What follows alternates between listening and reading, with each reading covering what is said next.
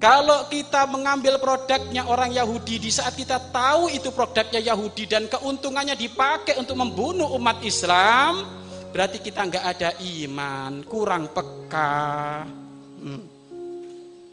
Memang ada Bapak Ibu kalau kita ngitung martabat, ada produknya orang Yahudi yang kita nggak bisa nggak bisa meninggalkan. Produknya Yahudi kita nggak bisa meninggalkan apa? Mobil, pokok elektronik elektronik itu ya, website, internet apa ini ini kita masih belum ini karena orang Indonesia masih belum bi, bisa bi, bikin. Tapi kalau yang yang kecil-kecil kayak gitu Bapak Ibu ya kan kaos ya kan banyak produknya mereka kaos-kaos kayak gitu Bapak Ibu ya. Ya atau makanan Bapak Ibu ya kan.